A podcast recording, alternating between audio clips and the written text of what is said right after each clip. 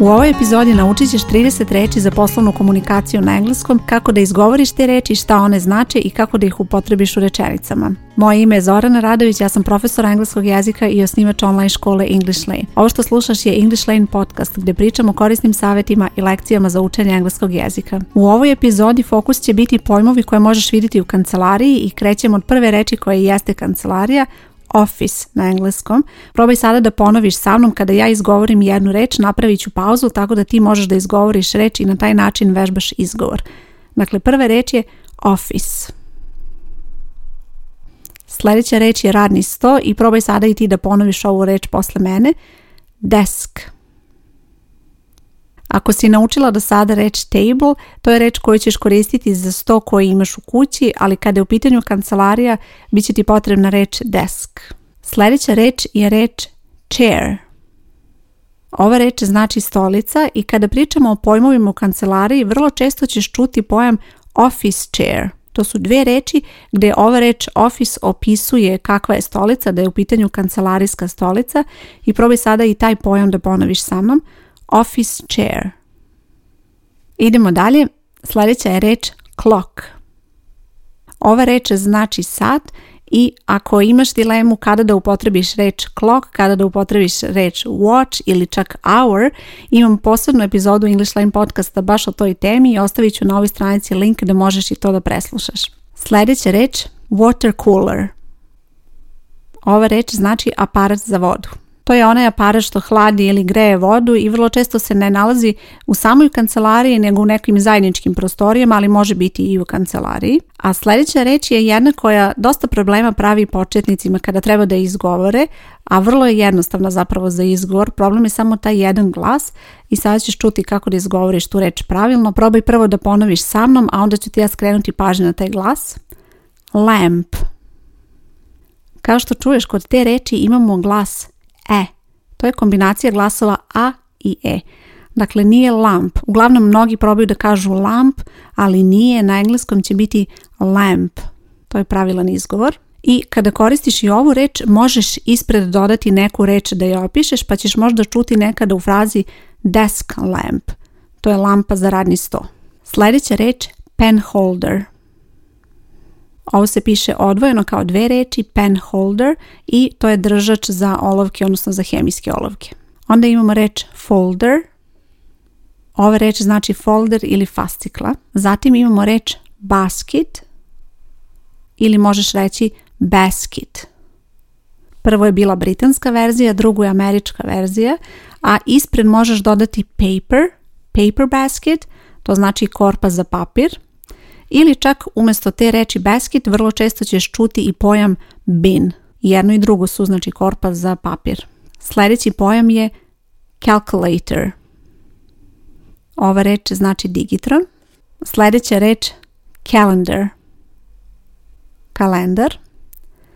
Onda imamo reč printer. Štampač. Sljedeća reč je whiteboard. Ova reč znači bela tabla i to je ona tabla na kojoj se piše markerima, onim specijalnim flomasterima. A sljedeća reč je notice board. Reč notice board je češće u britanskom engleskom, dok se u američkom engleskom često koristi bulletin board. Ponovi sada i tu drugu reč sa mnom, bulletin board.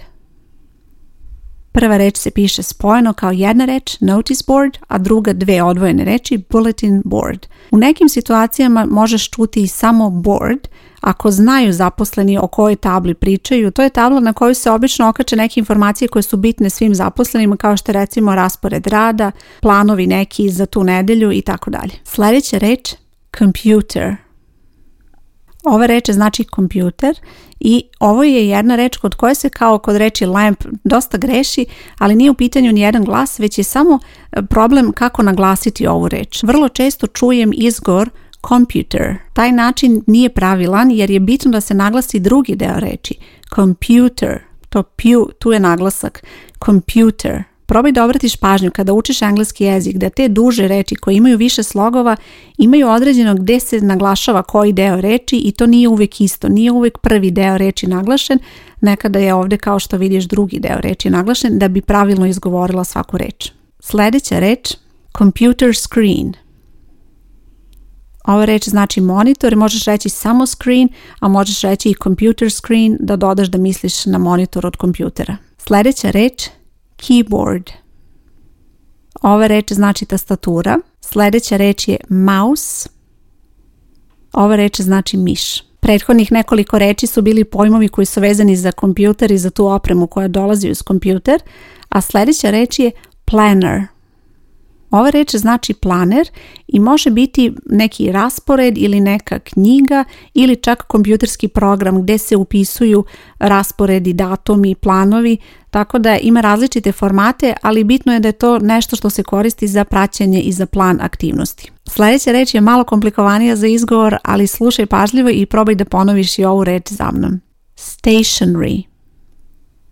Ova reč se prevodi kancelarijski materijal i zapravo uključuje sve ono što se koristi u kancelariji za pisanje, kao što je recimo papir, hemijske olovke, olovke, tu spadaju čak i koverte i spajalice, sve što spada u taj kancelarijski materijal ili sitan materijal, to sve imenuje pojam stationery. Sljedeća reč je notepad.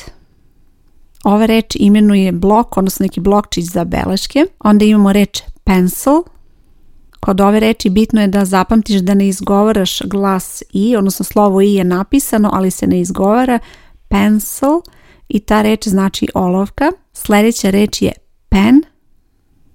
Ova reč znači hemijska olovka ili penkalo. Onda imamo reč scissors.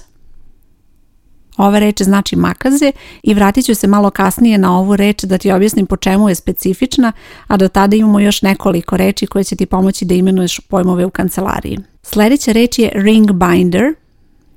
Ovo ćeš pisati kao dve reči, ring binder i ta reč znači registrator. Možeš reći i samo binder za registrator u zavisnosti od toga kakva vrsta registratora je u pitanju. Kada kažeš ring binder misliš na onaj klasičan registrator koji ima one okrugle metalne prstenove ring, zato se i zove ring binder, a naravno može biti i drugačija vrsta povezivanja tih fajlova pa onda ćeš reći samo binder. Sljedeća reč highlighter. Ova reč imenuje marker za označavanje i obično je taj marker u svetloj boji zato što se koristi za označavanje, ne za pisanje i na engleskom je reč highlighter. Sljedeća reč notebook. Ova reč znači sveska. Sljedeća reč je paperclip. Ova reč znači spajalica. Zatim imamo reč stapler. Ova reč znači heftalica. I posljednja 30. reč envelope. Ova reč znači koverta, odnosno koverat i to je ukupno 30 reči koje ti pomažu da imenuješ pojmove u kancelariji. Ono što je bitno da zapamtiš da kada koristiš ove pojmove za većinu, za skoro sve ove pojmove, možeš koristiti i određeni i neodređeni član u situacijama kada ih koristiš u rečenici i odmah ću ti navesti nekoliko primjera. I have a desk in my office. Imamo reč a desk, znači nikada nećeš reći samo desk. I have desk in my office, takva rečenica ne bi bila tačna. I have a desk in my office. Ako koristiš množinu, onda se ne koristi ovaj neodređeni član i onda će rečenica glasiti We have four desks in our office. Imamo desks, množinu imenice i tada ne može da se koristi neodređeni član e", odnosno n. Sljedeća stvar koja je bitna da zapamtiš kada koristiš ove reči je da pogledaš na koje slovo počinje ta reč, odnosno na koji glas u izgovoru počinje ta reč, da bi odredila da li ćeš upotrebiti oblik e ili n. Tako će biti I have a desk in my office, ali će zato biti sljedeća rečenica. I work in an office. An office. Ja radim u kancelariji. Imamo an zato što je posle samoglasnik. Poslušaj sada nastavak rečenice. Kada neko kaže I work in an office, the office is on the fifth floor. Imamo reč office dva puta u dve rečenice, ali je prvo upotrebljen neodređeni član, a zatim određeni član. Ono što je bitno da zapamtiš je da prvi put kada pominješ pojam, kada je pojam nepoznat, koristiš neodređeni član, zato je an. Sada u nastavku u drugoj rečenici zato što znaš o kojoj kancelariji pričaš, taj pojam je poznat, kancelarija koja je već pomenuta, zato se koristi određeni član ispred te reči. The office is on the fifth floor. Ovo je bilo samo jedno kratko objašnjenje kada koristiš određeni, kada neodređeni član, a ukoliko želiš detaljnije da naučiš o ovoj temi, ostavit ću linkove ka epizodama podcasta u kojima ćeš baš naučiti kako se koristi koji član i to je nešto što će ti pomoći da njih upotrebiš mnogo sigurnije i da naučiš sva pravila. I dodat ću još samo jedan primjer, vratit ću se na reč scissors, Reč scissors, za razliku od ostalih koje su sve u jednini, je takva da je u množini. Dakle, kada kažeš reč scissors, ona je uvijek u množini i nema jedninu i ispred te reči se ne koristi neodređeni član. To znači da nećeš reći a scissors, nego ćeš uvijek reći scissors bez člana ili ćeš upotrebiti određeni član ako su poznate makaze the scissors. Osim reći scissors, imali smo i reč stationary, koja je također specifična zato što je nebrojiva. Opet pravilo je da se ispred nebrojivih imenica ne koristi neodređeni član, tako da ne možeš reći a stationary, ali i ovo je, kažem, nešto o čemu ćeš učiti kada učiš detaljnije o članovima i ako te zanima detaljnije razlike između brojevih i nebrojivih imenica i tu ću ostaviti jednu epizodu koja će ti pomoći da naučiš detaljnije te razlike.